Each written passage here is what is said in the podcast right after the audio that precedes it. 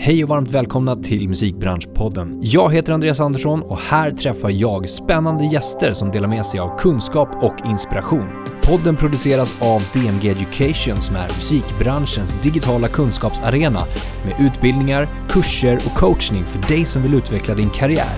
I dagens avsnitt träffar jag Phyllis Erat Edlund som är VD på musikförlaget Germans som är ett av våra äldsta musikförlag och i år firar hela 130 år.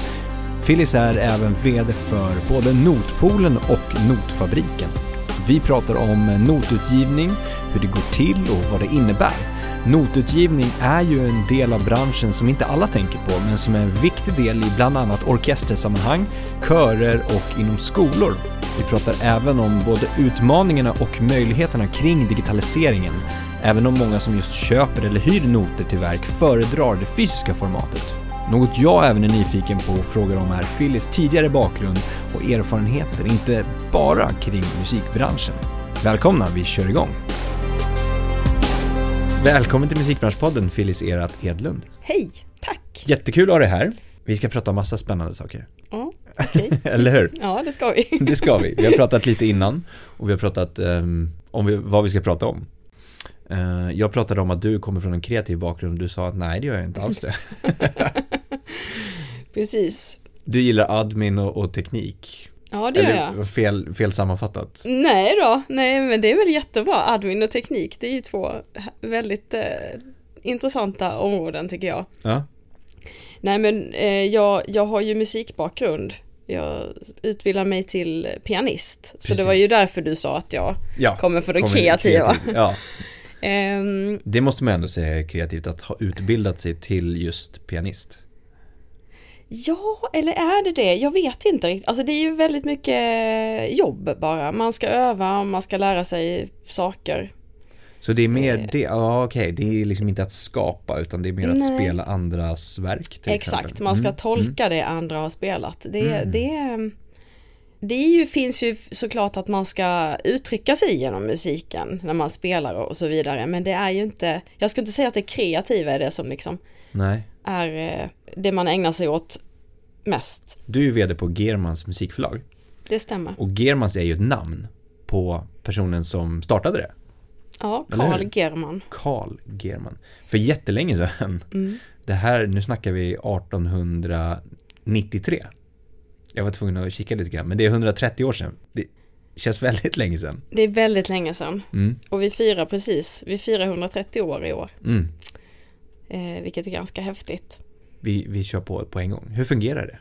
Alltså notutgivning, du pratar om att ni inte jobbar på traditionellt sätt, men, men eh, ni jobbar med en annan del av, liksom, inte den populär eh, musiken som släpps idag kan man väl säga.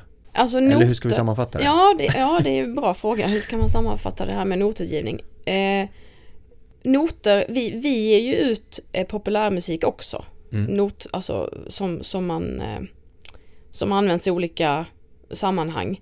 Eh, det som är gemensamma nämnaren är att man trycker det eh, på något sätt. Man trycker en notbild som gör att man, någon annan sen kan spela den notbilden Mm. och, och få det att låta likadant som det var tänkt.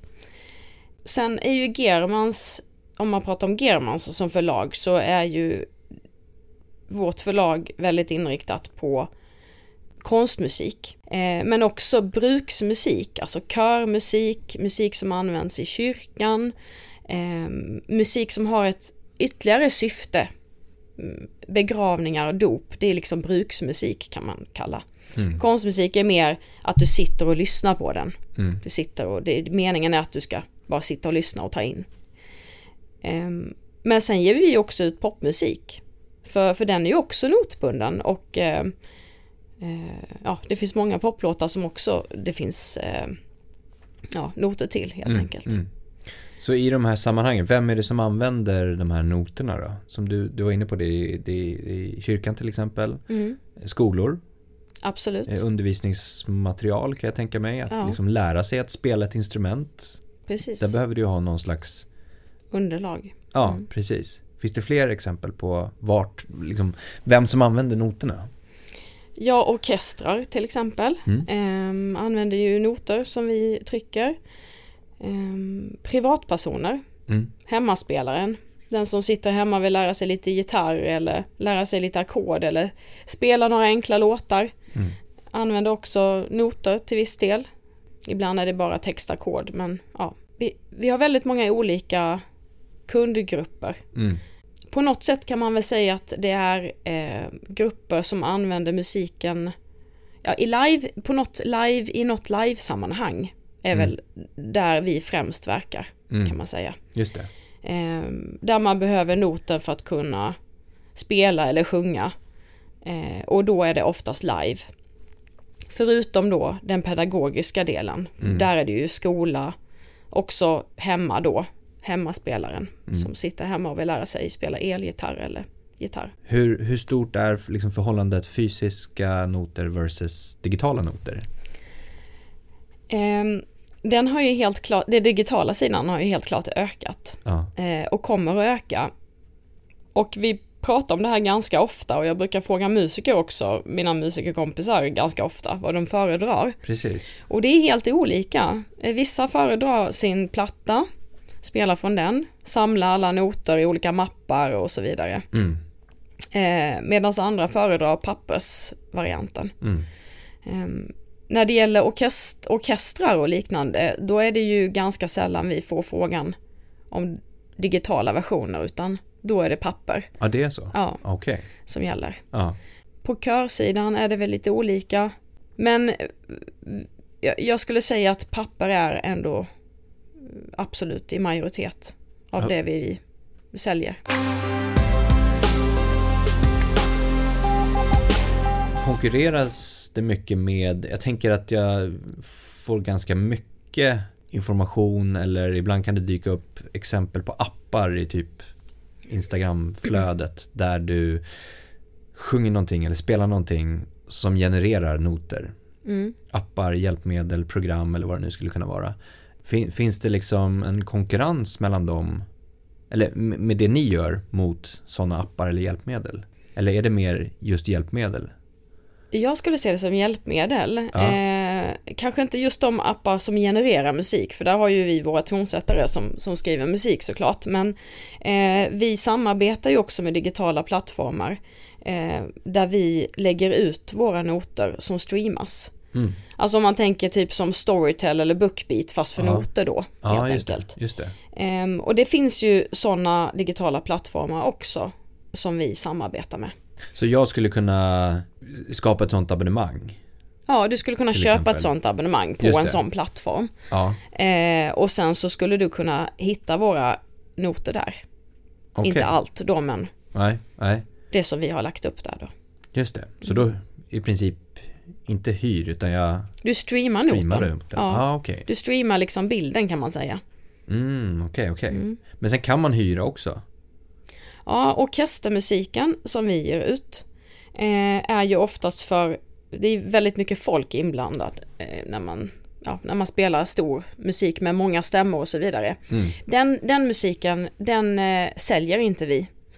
Utan den hyr vi ut till, okay. till orkestrar. Om man tittar på alltså ersättningen, hur, hur, hur flödet ser ut på något sätt. Att man, den mer vanliga bilden av det är att den, vi har en låtskrivare, eh, den skriver en låt, eh, signar eventuellt med ett musikförlag som hjälper till med administrativa biten, finansiella, kreativa biten och så kanske synkar ut den eller, eller sätter samman med en annan artist. Sen så framförs låten och, och liksom pengaströmmen blir eh, hyfsat tydligt. Om man kan mm. liksom lista ut den hela vägen bak till låtskrivaren att den får pengar när den framförs i offentliga sammanhang till exempel. Hur, hur ser flödet ut här? Att, att om, om, om det är någon som har skrivit ett verk eh, hur får den betalt i, i form av notutgivning? Eh, alltså det flödet som du just beskrev det vanliga musikförlagsflödet, det gäller ju våra tonsättare också. Mm. De får också betalt, de får också ersättning när musiken framförs. Ehm, en skillnad är att musiken framförs inte lika ofta. Nej, ehm, Den här typen av musik kanske, om man tar ett riktigt stort verk, en, en opera eller en, ett, ett stort orkesterverk som är kanske en timme långt, eh, då kanske det framförs två gånger på 20 år. Ja. Så intjäningstiden för ett sånt verk är mycket, mycket längre Ja. om man jämför med en poplåt. Ja. Eh, men utförandeersättning när, när musik framförs på, på olika konserter är ju väldigt, väldigt viktig. Mm. Eh, därtill så tillkommer det för noter då också att vi säljer noter också Mm. och hyr ut. Ehm, så det som är en skillnad från vanliga förlag, om jag nu kallar det för, eller för, för popförlag då Mm, i mm. Sverige till exempel, det är att vi är också e-handlare. Eh, så att det är ju ett helt eget, en helt egen, vad ska man säga, det är ett helt eget aff- affärsområde som man också hanterar som notutgivande förlag. Ja. Att vi säljer noter via andra kanaler också. Mm. Eh, så du, du ska ha en webbshop, eh, du ska trycka och skapa produkter Mm. eh, som, som eh, ja, du måste skapa en produkt. Mm. En, eh, vare sig den är fysisk eller digital så måste du ändå göra en produkt med omslag och eh, layout och, och hela den biten. Och sen ska du distribuera den och sälja den på olika sätt. Eh, du måste ha ett lager, bara en sån sak. Eh, det är saker som inte syns. Så att de notutgivande förlagen har hela det här säljbenet också att hantera. För vi, vi, vi hanterar alltså fysiska produkter, Mm. vilket också är då digitala produkter, det är också en typ av produkter. Ja, ja. Ehm, så det tror jag folk inte tänker på att Nej, eh, den delen finns. Och, och de ni säljer till är ju då som du sa privatpersoner men det kan vara Jag tänker ju direkt på musikaffärerna som fanns förut. Mm. Där fanns det en hylla med massa liksom, böcker med noter till exempel. Just det. Ehm, är det, är det, sä- säljer ni till återförsäljare så att säga? Så Massor. ni Mm. blir grossist inom citationstecken? Ja, det, det, det gör vi. Eh, nu finns det inte så många musikaffärer kvar. Nej, exakt. Ehm, men de är ju ute på nätet nu, Ja. helt enkelt. Eh, vi säljer Adlibris, Bokus, Mm. eh, köper in eh, noter. Mm. Eh, men också de andra förlagen, vi köper noter av varandra. Mm. Eh, de andra notutgivande förlagen, så man köper in beroende på vad kunden är ute efter och så vidare. Just det. Andras noter också. Ja. Också internationellt köper vi ju såklart in Mm. noter från Tyskland eller från England eller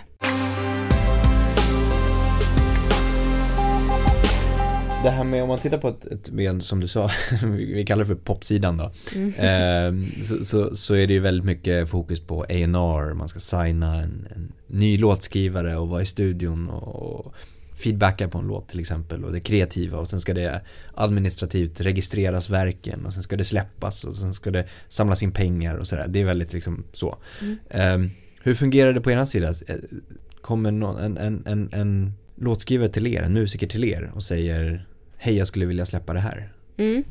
Eller jobbar ni åt andra hållet också, att scouta? Ja det gör vi. Vi, ska, vi scoutar och eh, det kommer eh, tonsättare kallar vi dem Ja, till precis. oss. Ja. Mm. Ehm, och eh, vi har ju ett, eh, ett gäng tonsättare som vi arbetar närmare med kan man säga. Och, eh, men sen så försöker vi också hitta nya, Mm. ny musik. Och då handlar det om att precis som eh, låtskrivare skickar in demos så Mm. skickar eh, tonsättare in manus till oss, notmanus. Okej. Eh, som vi går igenom helt enkelt. Har, då har ni någon som sitter och liksom Spelar ni upp det eller läser ni det? Eh, jag kan inte läsa så och höra vad det är för musik men vi har folk på förlaget som, som kan eh, Som kan läser det då? Ja, som läser det. Okej. Eh, men Det där är, tycker jag är så imponerande på något Ja. sätt. För jag, jag har tänkt på det väldigt, väldigt många gånger. Att så här, hur, hur fungerar den processen i den personens hjärna? Eller liksom, hör den det den läser? Eller är det ett annat språk så att den bara läser och förstår på något sätt? Är du med på vad jag menar? ja, nej jag... ja, men det är väl som att läsa en bok tänker jag. Om man bara Jo, gör det ja, tillräckligt sant. mycket liksom. Mm, mm. Vet du vad? Vi föredrar också när folk skickar ljudfiler till Ja. oss. som komplement. Ja, exakt. Eh, det, det gör vi. Mm. Men i och med att det ska bli en produkt som ska tryckas eh, så är ju notbilden väldigt viktig. För Mm. då måste vi kolla att den är i bra skick. Att, eh, hur ser layouten ut? All Är right. det fel i, i notbiten, i, i själva notbilden? Ja. Eh, så att det finns väldigt mycket musikteori och analys bakom eh, själva notbilden också. Men, men för att höra snabbt om en låt är värd att ge ut, om vi kan göra någonting bra för den, eh, för, de, för den låten, eh, då, då är det ju väldigt trevligt att få ljudfiler såklart. Ja. Vi var inne på lite grann det här med, med digitaliseringen och så. Mm. Och du gillar ju teknik. Mm. Vad, hur har, och du har jobbat på Germans i, sen 2018 sa vi va? 19 tror jag 19. jag började. Ja. Sen 2019? Ja. Mm. Och, och, då är det inte sån superstor digitaliseringsresa som du har varit med på. För 2019 så var det ändå väldigt mycket digitalt redan innan. Men vad var eh, notutgivnings liksom branschen, mm. kan man kalla det för det. Vad mm. har varit de stora utmaningarna med, med digitaliseringen där? På, på många sätt så är ju Germans, eh, vi har ju hela vår produktionsprocess, alltså hur vi trycker noter är ju väldigt digitaliserad idag. Det, och för att ge ett exempel på det då, ja. att när en kund köper, vi, vi, vi trycker inte böcker och lägger på lager. Utan när, när en kund köper noten, då trycks den. All right. eh, det kallas för print on demand.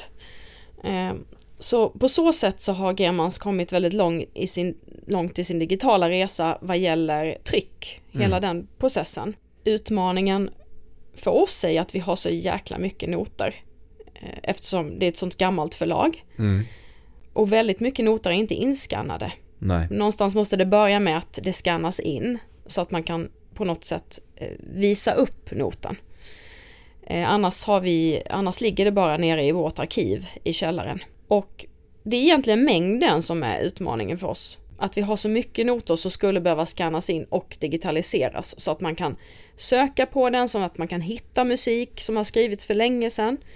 Ehm, så det är en del. En annan utmaning är ju att sprida musik digitalt när det handlar om notbilder. Det är att otillåten kopiering sker så enkelt. Ja. Eh, och där finns det liksom inga bra format för att förhindra det.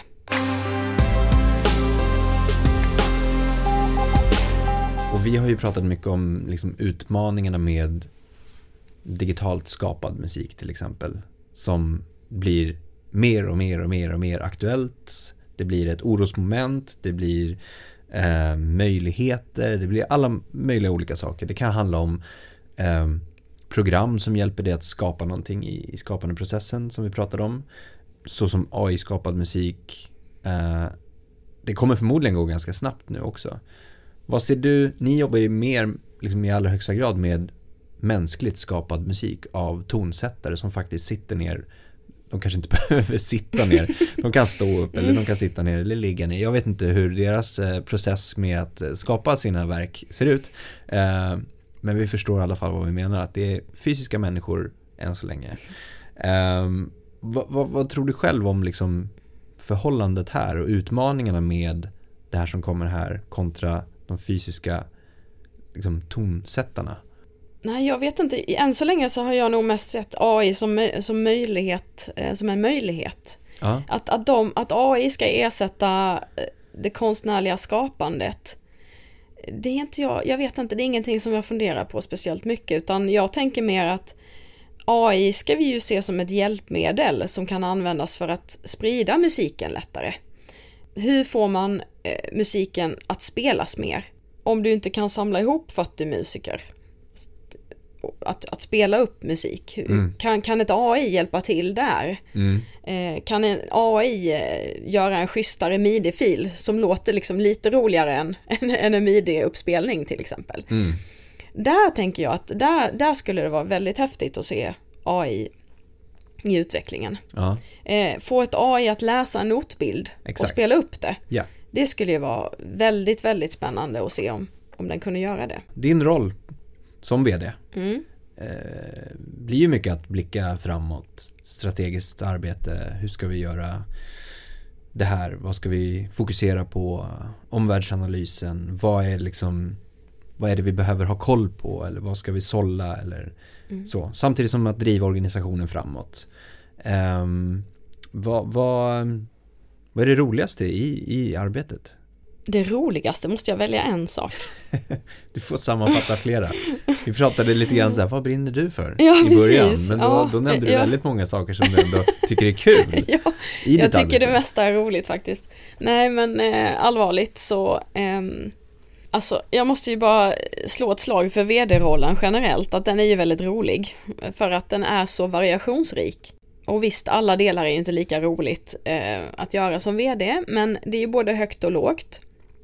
Det är både operativa utmaningar eh, och möjligheter och sen är det också strategiskt långsiktigt. Vad, vad behöver vi göra för att komma framåt? Eh, Så det jag gillar med min roll just nu det är att den är så väldigt, det är så väldigt mycket olika saker Mm.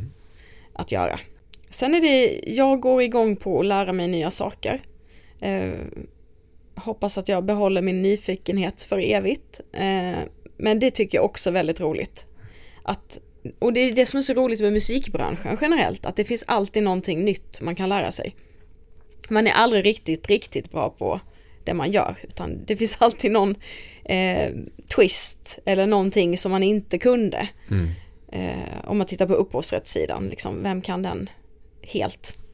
Det är väl lite grann, jag brukar likna det lite grann med alltså, lagstiftningen. Ja. Alltså en, en advokat eller en jurist kan ju inte lagboken utan och innan, Mm. utan har det som hjälpmedel. Just det.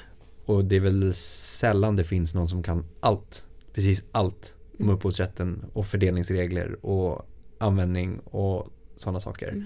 Utan att det finns hjälpmedel som man kan ta. Precis. Men vad, vad tror du där? Vi stannar lite grann. Vad, Mm. vad tror du är viktigt att ha koll på där? Inom upphovsrätten? Ja, de alltså grundläggande, fundamentala bitarna. Nej men det är ju viktigt och, och att det är eh, att ersättningen är skälig, eh, att det går rätt till, eh, tycker jag är viktigt. Eh, att det finns avtal på plats som är schyssta. Och sen är det att hela flödet ska fungera. Det är ju liksom en evig kamp. Att se till att eh, musikanvändare musikrapporterar till exempel Mm. det är så, så många gånger som musikanvändare inte musikrapporterar för att det är ytterligare administration och man struntar i det. Man förstår inte konsekvensen av, av det helt enkelt.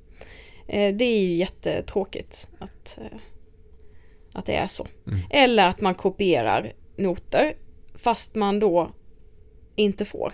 Är man en kör till exempel, då ska man ju med 30 personer, då ska man ju köpa 30 ex av, av noten.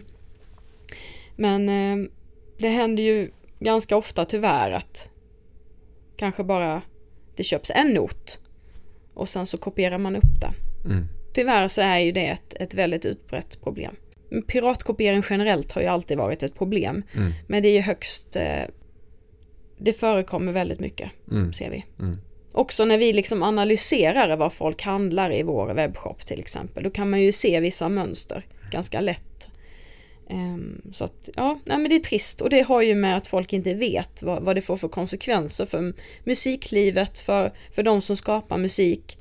Att det minskar förmågan för förlag också att ge ut Mm. mer musik. Det är ju det vi vill, vi vill ge ut ny musik, främja den svenska musiken. Liksom.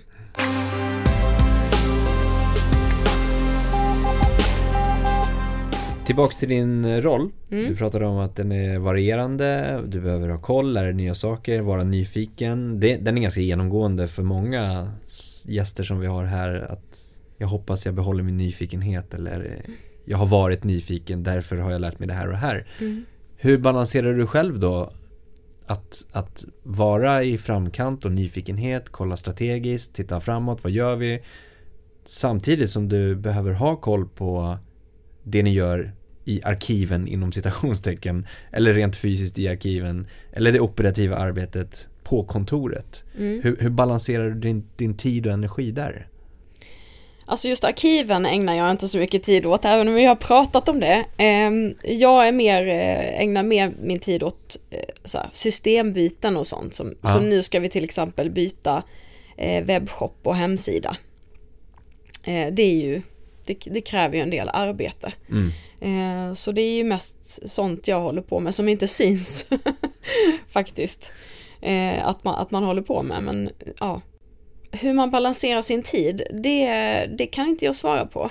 Jag är ganska dålig på det faktiskt. Okay. Jag, jag, tycker, jag lider inte av att tänka på jobbet eh, mer än, än vanligt kanske. Nej. Jag tycker det är roligt, det, det, det stimulerar mig liksom. Mm, mm. Eh, sen så tycker jag att man lär sig med åldern också att, att släppa eh, det här med att allt inte behöver vara perfekt hela tiden. Det tror jag är en väldigt viktig sak att lära sig. Om man har konstant lite för mycket att göra, vilket många har, så, så är det väldigt viktigt att, ja, att det ska vara tillräckligt bra. Det behöver inte vara svinbra jämt. Nej. Eh, så det tror jag att man ska vara lite snäll mot sig själv där, helt enkelt. Um, nej men jag, det här med balans, jag har väl ständigt lite dåligt samvete för allt det som man inte är inne med. Det, det, det, det, så är det nog. Vad, skulle det kunna vara som du känner att så här, men det här, jag har inte hunnit med det här, det här den här månaden eller? Nej, men det, det, är inte saker i så fall, utan då är det mer att jag inte har hunnit prata med min personal tillräckligt och Mm, sådana mm, mm. saker. Exakt. Alltså just det här ledarskapet att eh, tack och lov, mitt team är fantastiskt. De är väldigt självgående seniora personer som vet vad de håller på med. Eh, men det betyder inte att jag, jag vill ju ändå ha ett utbyte med dem och, och eh, lära mig av dem men också stötta dem när de behöver bolla saker. Eh, och de vet ju att de alltid kan komma till mig men jag kan ibland känna att jag, ja, det skulle varit att jag skulle träffat dem mer Mm. helt enkelt. Ja, jag förstår. Du, vi pratade om att du inte kommer från en kreativ bakgrund då. Mm. jag skojar, jag ska inte tjata om det. Men du har ju jobbat med andra saker än musikbranschen. Du har ju inte pluggat musik eller, eller kommit från ett artisteri och sen börjat jobba dig upp i musikbranschen. Utan du har ju till exempel jobbat eh, på Klarna. Mm. Eh, och, och liksom inte haft någon som helst koppling till musiken. Du har ju haft musiken sen tidigare i piano till exempel då. Kände du att du saknade det? Liksom, har, har du varit ute och, och, och slirat i Klarna-tiden och sen ville hitta tillbaka? Eller har det mer varit att eh, bygga erfarenhet och liksom från, från andra håll? Alltså, jag, när, jag, när jag började på Klarna så var jag ju väldigt, jag sökte inte eh, musikjobb då. Nej, okej. Ehm, för då ville jag byta från musikbranschen. Ja. Jag ville vara ute och slira på, i andra branscher. Och sen att det dök upp en, ett, en vd-möjlighet, det var det som gjorde att jag, att jag bytte för att jag ändå varit nyfiken på vd-rollen. Mm. Så annars hade jag väl varit kvar på Klarna. Tror du att det ändå gav erfarenhet till att du är där i, du är idag? Att du fick det jobbet så att säga? Ja, alltså all erfarenhet är bra tänker jag. Mm. Eh, och Klarna-tiden var ju väldigt, hade väldigt roligt där och det är ett jäkla tempo på Klarna. Eh, man måste vara helt immun mot förändring eh, för det kommer hela tiden. Och det är ganska skönt att man accepterar bara förändring som, som något fullständigt naturligt. Mm. Och det, det var väldigt härligt att, att det var så. Mm. Och det var så lätt också. Upphovsrättsbranschen, den är ju mycket mer komplex på många sätt. Och förändras inte kanske lika snabbt, men å andra sidan så är det många fler parametrar att ta hänsyn till så att förändringen kan kännas snabb ändå tycker jag. Att jag tycker inte på något sätt att den egentligen är långsam när man tittar på komplexiteten. Men det var, jag lärde mig väldigt mycket på Klarna. Jag hade ett väldigt roligt, bra team där också. Ehm, lärde mig en hel del om e-handel såklart, vilket jag verkligen har nytta av nu i mitt Precis. nuvarande jobb. Ja. Ja, för där jobbade du då som, vad sa vi? Jag var Europachef för butikssupporten. Så var det, precis. Så då jobbade du ändå ganska nära e-handlare. Ja, Mm. precis. Ehm, jag tänker att det är viktigt att höra för många andra också som lyssnar kanske att, att här, bara för att man gör någonting helt annat under en viss tidsperiod av sitt liv så betyder inte det att man kan hitta tillbaka heller. Mm. Eh, och att det kan till och med vara någonting positivt att samla erfarenhet från något helt annat håll. Mm. Ehm, och du hade ju ingen aning om att du skulle börja jobba med förlagsverksamhet när du väl var där och då. Utan då var det där och då som gällde. Så jag tror att man ska vara lite Många som kanske är ivriga eller stressade över att jag har inte hittat det jag vill göra. Var lite liksom snäll mot dig själv och bara gör någonting. Så Mm. kommer det ändå liksom skapa den här erfarenheten framåt och, och till slut kommer det dyka upp någonting som du är extremt intresserad av. Mm. Sen måste man komma ihåg att det, man kan också bli intresserad. Exakt. Man vet inte. Exakt. Um, när jag sökte jobb på STIM, då hade jag ingen aning om vad STIM var egentligen. Man har ju hört talas om STIM, men uh, när jag började där, det var ju som en helt ny värld som öppnade sig. Ja. Och samma sak på Klarna också faktiskt. Um, ja, på alla jobb egentligen. um, men poängen är att man vet inte, när man inte har varit på, på ett ställe så vet man inte vad, vad, vad man kan lära sig, vad man går igång på, vad man Exakt. tycker är spännande och roligt. Um, så att ja, samla erfarenhet. Sen så är det ju så att de flesta affärsmässiga utmaningarna de är oftast likadana överallt. Mm. Alltså ledarskapsproblem, effektivitet, lönsamhet. Det är samma frågor överallt. Mm. Så att det är inte så himla olikt eh, arbetslivet egentligen. Nej, exakt. Men jag tycker det känns väldigt, väldigt roligt att få jobba med eh, att göra någonting för musiken eftersom jag ändå trots allt älskar musik. Härligt. Ja men du, eh, du får plocka fram det där pianot och så får du hitta den balansen med pianot och vd-rollen. Eller plocka av, du får damma av det. det har varit jättekul att ha dig här och prata med dig. Tack så mycket Andreas. Trevligt att vara här. Jättestort tack för att du har lyssnat på podden idag. Det uppskattas verkligen. Kom ihåg att följa, stjärnmarkera, gilla, dela, kommentera för att hjälpa till att sprida kunskapen i musikbranschen. Vi vill också jättegärna höra från dig. Vilka utmaningar står du inför? Vad tycker du är svårt? Vad tycker du är lätt? Vad vill du höra? Vad vill du veta? Vad vill du lära dig? Hör av dig till oss på info at dmgeducation.se. Tack för idag och ha en fortsatt härlig dag.